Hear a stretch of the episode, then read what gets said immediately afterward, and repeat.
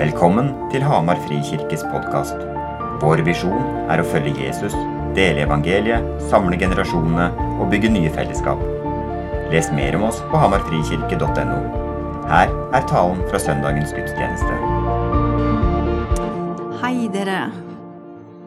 I dag har jeg sørga for en stor bibel. Jeg har blitt 50, og da trenger jeg større skrift. Så er det litt trygt og deilig med den svære beameren der foran meg. altså. Jeg er litt ekstra bevende i dag, kjenner jeg. Jeg skal tale over denne teksten. Men sånn helt før jeg begynner, så er det litt greit å si kort noen ord om meg sjøl, for de som ikke kjenner meg. Eh, så er jeg altså gift med denne karen som sitter her, tidligere pastor her, Jon Arne Frøyland. Vi har to unge voksne barn, Jonas og Juliane. Jeg måtte kaste inn håndkleet som lærer for noen år tilbake, men jeg er også lærerutdannet. Og nå er jeg mest engasjert frivillig her i kirka. Noe med veiledning og litt mentoring og litt forskjellig. Ja, og litt forkynnelse får jeg lov til av og til. Det er bra. Ja, det var litt om meg. Det er andre søndag i advent, og vi forbereder oss til jul. Det er egentlig en veldig koselig tid. Samtidig så skal vi i dag se litt fremover og for, for, forberede oss på en enda større som skal skje, og det er når Jesus kommer tilbake. Så budskapet i dag det er egentlig blanda både med håp og trøst, men også et litt alvorlig budskap. Kanskje litt derfor jeg kjenner det litt ekstra i dag. Men, eh, så jeg tror jeg skal be en bønn først, faktisk. Eh, takknemlig for at eh, vi kan det. Herre, jeg takker deg for at du er her sammen med oss. Takk, Hellige Ånd, at du er her, bor i våre hjerter. Nå ber vi, Herre, om at ordet ditt skal bli levende for oss. At du skal få komme og gjøre ditt verk iblant oss. Ber om det, Herre. Gjør ditt verk iblant oss. Vekk oss til livet i vårt indre, så vi kan gå ut, være sterke og frimodige i deg, i din kraft. Amen. Ok. Dagens tekst da, er henta, som Anna leste så fint, fra Lukas 21, vers 27-36. Jeg har bare lyst til å nevne sånn helt innledningsvis at Matteus og Markus skriver også om det samme, disse viktige tingene. Og i Matteus 24 så gjengir også han en av Jesus' lengste faktisk uttalelser angående fremtiden. Og der gir han klare pekepinn til hendelser som vil skje før hans andre komme.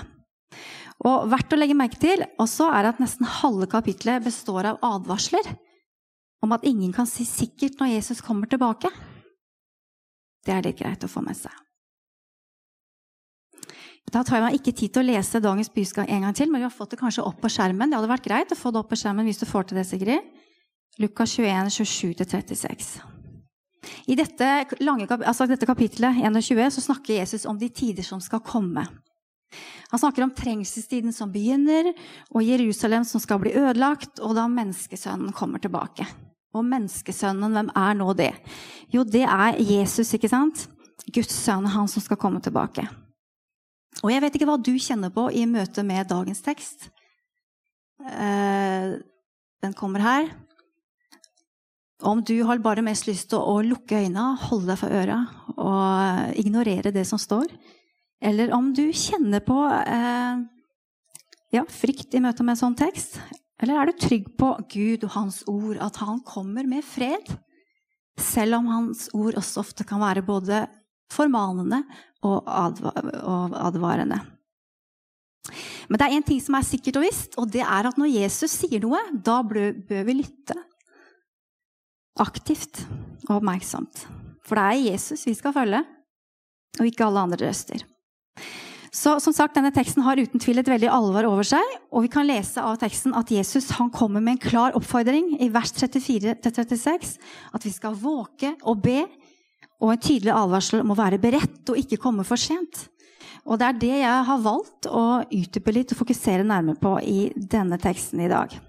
Og Vi skal også da ta med oss de trøstende ordene til slutt også. At når dette begynner å skje, da skal vi rette opp hodet og løfte Rette, opp, rette, opp, opp, rette oss opp og få løfte hodet. Ja.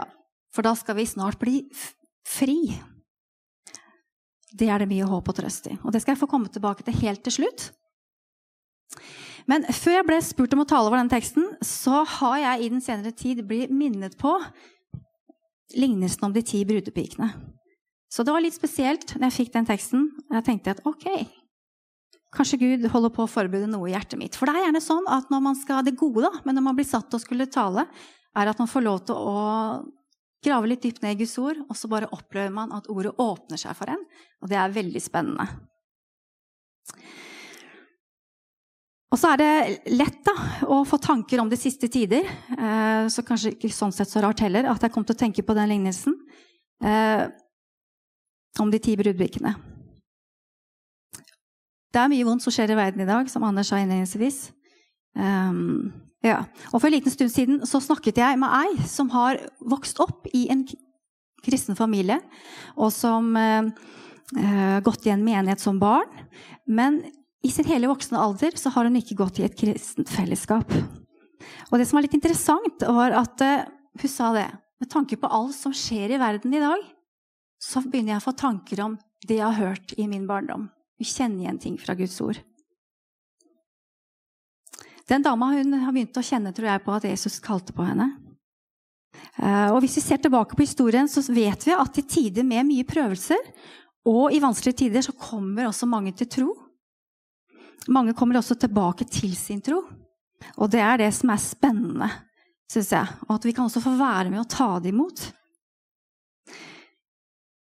Ja. Som sagt så har jeg vært litt bevende da, i møte med denne teksten.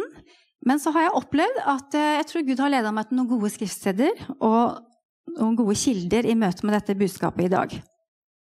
Og så håper jeg ber om at hver og en av oss skal få lov til å kjenne eh, at noe taler til oss. At når du går hjem i dag, så er det ikke så viktig om du husker min hele min preken. Det viktigste er hvis du kjenner på at det er et eller annet Guds ord eller en eller annen setning som sitter, så gå hjem og grunn på det. Bruk litt tid av denne dagen til å gi det litt rom, og at Gud får lov til å, å røre ved deg og tale til deg. Han vet hva han vil gjøre i ditt liv. Ok, da går vi i gang. For det første så sier Jesus til oss i vers 7-9 i samme kapittel.: Pass på at dere ikke blir ført vill, for mange skal komme i mitt navn og si 'det er jeg'. Tiden er kommet. Men følg dem ikke. Når dere hører om krig og opprør, så la dere ikke skremme. Og det er lett å ta imot frykt i disse dager hvor det skjer så mye vondt. Ehm, da er det godt å vite, jeg har hørt det, at det er skrevet 365 ganger om at vi ikke skal frykte i Guds ord. Det er jo én for hver dag. Gud er god. Han har tenkt på oss, og han vet hvor menneskelig du og jeg er, og hvor lett det er å ta imot frykt og uro. Men da har jeg lyst til å si til deg at ikke la deg fordømme. For Jesus han kommer med fred. Han kom som et menneske til deg og meg. Så det er ganske øh, Ja, det å være menneskelig, det tror jeg er å være åndelig. Så ikke la deg føle fordømt. Ja, må holde styr på her, altså. Ok, Johannes' åpenbaring 3,17. Frykt ikke jeg er den første og den siste og den levende. Jeg var død, men se, jeg lever i all evighet. Og jeg har nøklene til døden og dødsriket. Jesus, han har det siste ordet. Og jeg tror at Gud er nær midt i vår uro og i vår verden i dag. Selv om det er av og til vanskelig å få øye på ham, så er han nær. Og han lider med denne verden. Han føler med deg og meg. Ha det for øye i dag når jeg holder på her. Og så formaner også Jesus til å holde ut. Så skal vi vinne livet, sier han i vers 19 i samme kapittel. Og vi som kjenner Skriften, vet at det er ikke dette jordiske livet han snakker om, men det evige livet. Og det er det vi må ha for øye. Vi oppfordres til tålmodighet og utholdenhet i Skriften, og ikke i egen kraft, men ved Guds hjelp. Vi skal snart se litt mer på den, denne lignelsen om de ti brudepiker, bare litt mer sånn nå først innledningsvis. Jeg må ærlig si at jeg titt og ofte sjøl har Jeg kjenner på at jeg lengter etter å komme hjem. Til mitt virkelige hjem, der jeg er skapt å være med hele meg. Med en ny kropp og alt det gode som jeg hører med til det. Det betyr ikke at jeg har det så inderlig fælt her og nå. Men hver gang jeg ser og hører om all den ondskapen og det destruktive som ruller over skjermen i dag, så får jeg den inderlige lengselen om at alt ondskap skal ta slutt, og at alt skal bli godt. Og at vi skal få komme hjem til ham. Og jeg tror det er en sunn lengsel, og jeg tror ikke jeg er aleine. Samtidig så vet jeg at det fortsatt er så mange som ikke har hørt. Har ikke hørt om Jesus, og de trenger å ta imot ham både som frelser og herre. Få muligheten til å vende om. Og jeg lengter også etter at flere skal få ta imot, og jeg vet at vi er mange her i forsamlingen som lengter etter at det skal skje. På tide så lengter jeg at det skal skje en vekkelse i oss som tror, for det tror jeg også er nødvendig. Så vi kan holde oss åndelig våkne og være i stand til å leve for noe større enn våre egne behov, og leve for oss sjøl.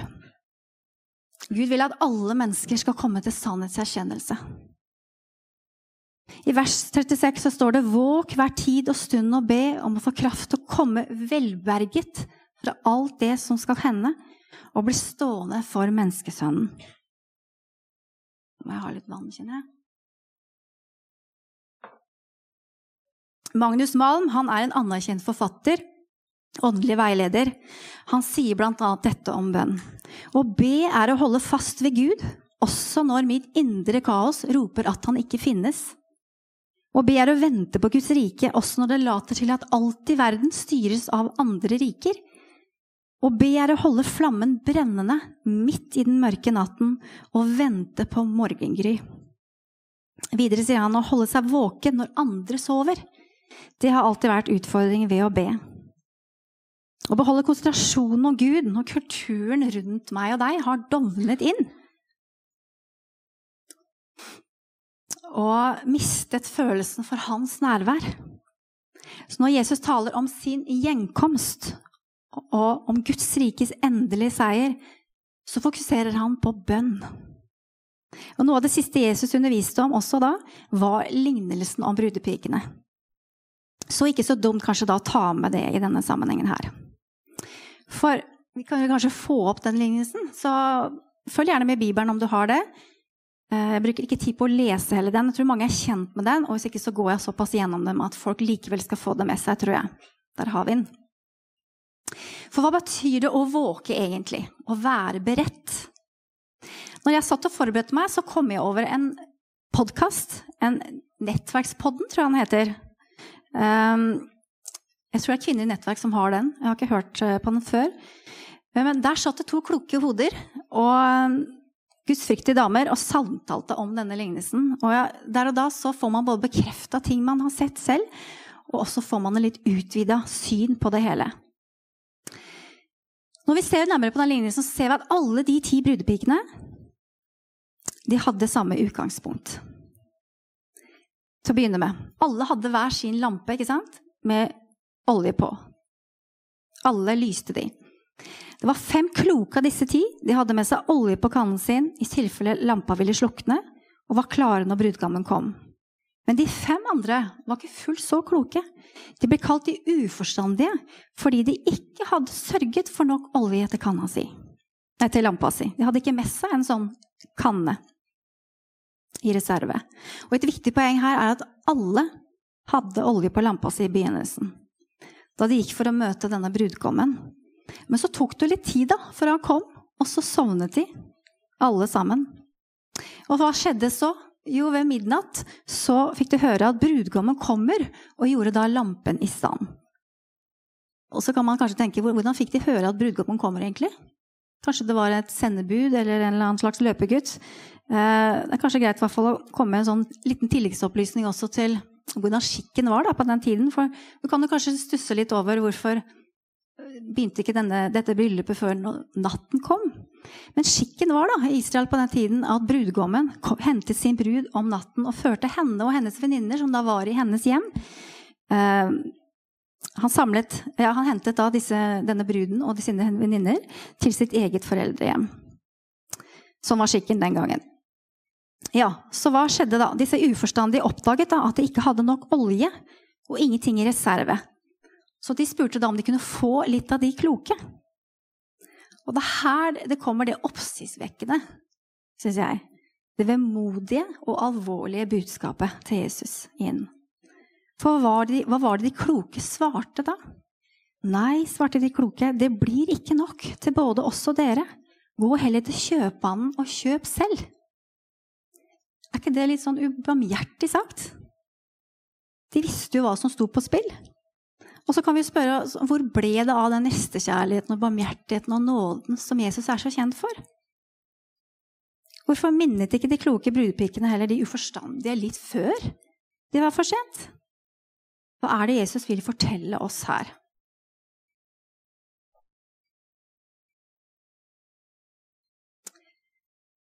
Som troende så har vi jo alle mottatt frelsen, ikke sant? Og troen som en gave, det vet vi. Frelsen hadde disse ti brudbukkene til felles. Men hva var det som likevel manglet? Jo, det var nok olje. Og hva er oljen et bilde på? Kjøp olje, sa de. Vi har hørt at det blir forkynt så mange ganger at vi ikke skal legge noe til frelsen.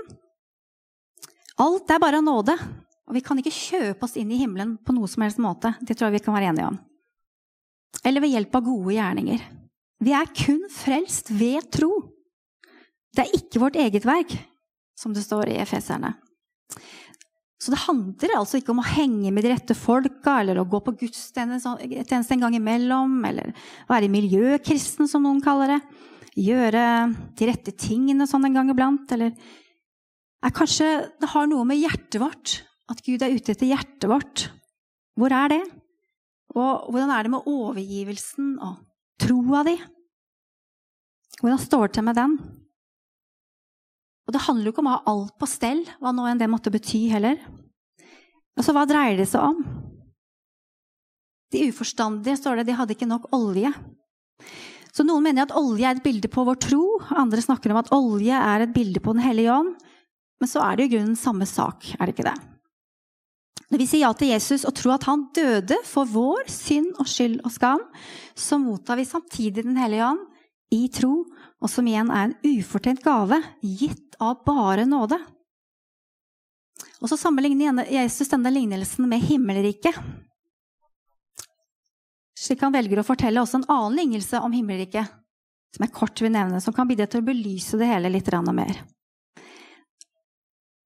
En såmann gikk ut for å så, og noe falt ved veien, og fuglene kom og tok det. Noe falt på steingrunn hvor det var lite jord, og det skjøt straks i været fordi jordlaget var tynt. Men da solen steg, ble det svidd og svisnet fordi de ikke hadde fått slått rot. Noe falt blant tornebusker, og tornebuskene vokste opp og kvalte det. Men noe falt i god jord og bar god frukt. Jesus snakker om å være beredt, klare til han kommer tilbake. Hvordan, hvordan vet jeg at jeg er beredt? For det første, holde fast på ordet hans om at han kom, vil komme tilbake. Det er et løfte. Og så spør jeg kanskje Du kan spørre deg hva betyr Guds ord for deg? Har du tillit til han og hans ord? Har det autoritet i livet ditt? Er det lenge siden du har luka kanskje i bedet ditt? Det vil si, hva er det som stjeler troen din, eller som kanskje kveler den? Og da, tenk på et lite eksempel. Når jeg vil ut og kjøpe noe altså Jeg har tenkt på noe dyrt jeg trenger, som kanskje koster litt ekstra. Så tenker jeg på å investere i dette. ikke sant? Så kalkulerer jeg kanskje risikoen før jeg bestemmer meg. Har jeg råd til dette?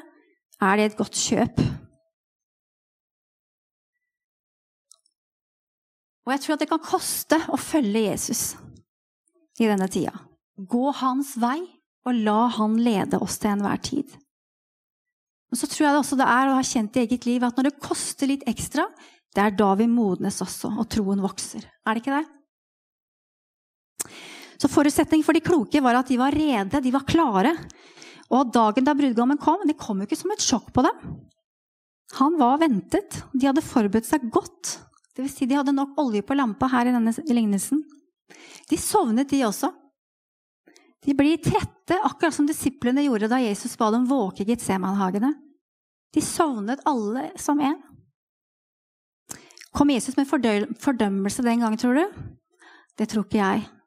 Jeg kjenner ikke Jesus som en fordømmende kar. Han er en nådig Gud, så hold fast på den tanken. Men de uforstandige kan kanskje sammenlignes med den dårlige tjeneren som sa til seg selv i Matteus 24 Vers 48. Det varer lenge før Herren min kommer. Og så gir han seg til å slå de andre tjenerne, spise og drikke sammen med drukkenbolter. Da skal tjenerens herre komme, en dag han ikke venter, og en time han ikke kjenner. Så er jo disse eksemplene satt litt på spissen, selvfølgelig. Men Jesus taler med tydelig alvor i disse tekstene. For vi kan også komme til å bli sløve og likegyldige. Miste synet av hva som er viktig, og hva Jesus vil fortelle oss. Så dagens tekst den utfordrer oss på å ikke la hjertet bli sløvet. Altså la altså Det skjer kanskje ikke plutselig, men noe som vi tillater over tid. Jeg tror Jesus ønsker å forberede oss. Vi kjenner ikke dagen eller timen. Så våg, da, står det i Matteus 24, for dere vet ikke hvilken dag deres Herre kommer. Jeg opplever det som om at Jesus sier til meg og deg, vågt opp! Forstår dere ikke, kjære barn, hva som står på spill? Hvem lever dere for? Hvem får eie deg? Men hvordan våke, da, tenker du kanskje? Jo, utfordringen er gitt. Det er å be. Et kort, lite, men vanskelig ord. Våk og hold ut i bønn, står det. For de som våker, de ber. Våke og ber, det å be hører sammen. Være årvåken og spørre Gud, Gud, hva skjer nå? Hva holder du på med? Hva kan jeg gjøre? Hvis vi kan gå fra meg og mine behovbønner til Gud som ser en lidende verden bønner. Hans lidende hjerte for en verden i nød. Og jeg vet at når man bruker tid med Gud, desto mer tid med Gud du bruker, desto mer hjerte får du for verden. Desto ofte sentrerer bønnene dine om folk der ute, folk du er glad i, folk du bekymrer deg for, så leste jeg en gang i en kristen dagsavis at å våke er å se etter tegn. Og da må vi kjenne Guds ord selv. Vi må gå til ordet selv og vite hva står det der. Der står det om hva som skal skje og hva som skal komme, selv om ikke alt er så lett å forstå alltid. Så kom jeg på når jeg jobba med den teksten, en serie som går på TV, som jeg tror mange følger med på. Kanskje unge folk, men vi er ikke så unge, vi. Men vi, vi er veldig glad i den serien, vi. Det er Kompani Lauritzen. Syns det er mye å lære der. Og da kom jeg til å tenke på en av de oppgavene som disse rekruttene ofte får, eh, ofte får i oppgave. Hvor mange er det som ser på den serien? Det er bare artig å se, liksom, dere henger med på hva jeg skal snakke om nå. Tenker, skjønner dere kanskje hva jeg kommer til? For En av de oppgavene de får, er nemlig det å ha nattevåk en hel natt igjennom. Hvor de blir satt, blir satt ute i kulda, to og to, ute i snøen, og skal holde seg våkne. Eh, og så får vi bare se hvor utrolig vanskelig det er. Og for de som sjøl kjenner til nattevåk, om du holder på med små barn, eller om det har vært russetid, kan jeg bare si selv at jeg er veldig svak på det området. Og fryktelig glad for at vi var to når barna kom. Å holde seg våken, det er en vanskelig sak. Og disse kara og jentene guttene holdt på sak, som er på denne posten, de har forskjellige opplevelser av det. Noen er, viser seg å være bedre på det å sitte intenst og se ut i mørket og få med seg disse tingene de skal få med seg. Det som er så ille gærent, ille utfordrende, det er at det tar litt tid mellom hver gang de dukker opp noe spennende å se på. Og så skal de notere hver gang de ser noe. Og det går litt trått hos enkelte. Noen begynner å hallusinere og vet ikke om det de ser, faktisk er det de ser. Um, ja. Så poenget er det at eh, vi trenger å leve nært til Han hver dag. Lage oss gode rutiner. Så vil du komme til at kanskje en dag så opplever du at rutinene er det som er med og bærer deg. Det har vi hørt her før i tidligere taler. Magnus Malm han oppfordrer oss til å finne former for bønn som bærer oss midt i et aktivt liv i verden. Det blir viktig å ta til oss ordet. La oss prege altså La det prege oss. Leve i lyset. Det vil si at vi daglig omvender oss for ting vi oppdager Den hellige ånd minner oss om. Som vi kan bevare troen og hjertet vårt til han kommer igjen. Å fylle olje på kanna kan også bety å luke bort bekymringene vi har. Ikke la de stjele troen vår.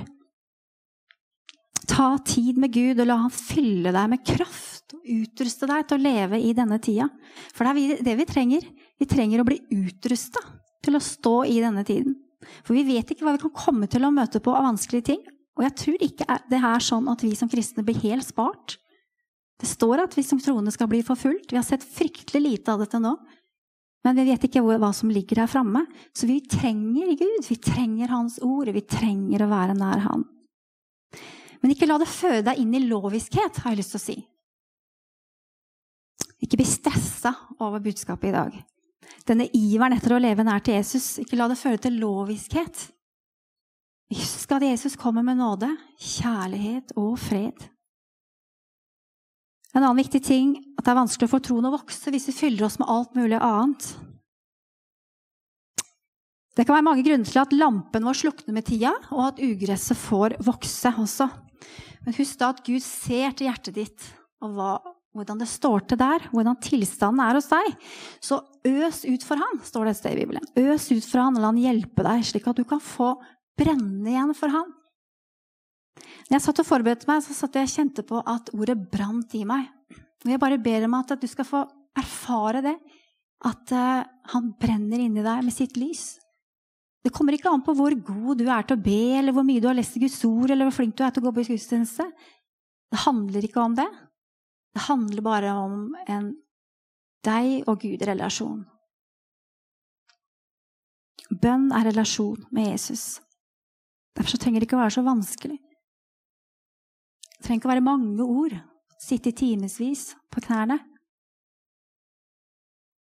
I 1. Tessalonerne 5,4 så står det at vi er ikke i mørket, så dagen skulle komme uventet på oss. Det betyr, sånn jeg tolker det, at ettersom vi har lyset i oss, Den hellige ånd bor i oss som tror, så vil jeg også gjenkjenne når tiden er nær. Ikke eksakt dag og tidspunkt, men vi kanskje komme til å gjenkjenne at noe er i emning. Og så har vi fått et lite eksempel fra Jesus i dag. Han snakker om fikentreet. Og når jeg begynte å se litt nærmere på det, så står det at eh, de fleste grønne trær i Israel de er grønne hele året rundt, men akkurat fikentreet det mister bladene sine om høsten. Men om våren, sent på våren så begynner de å spire, og da vet alle som ser det, at sommeren er nær.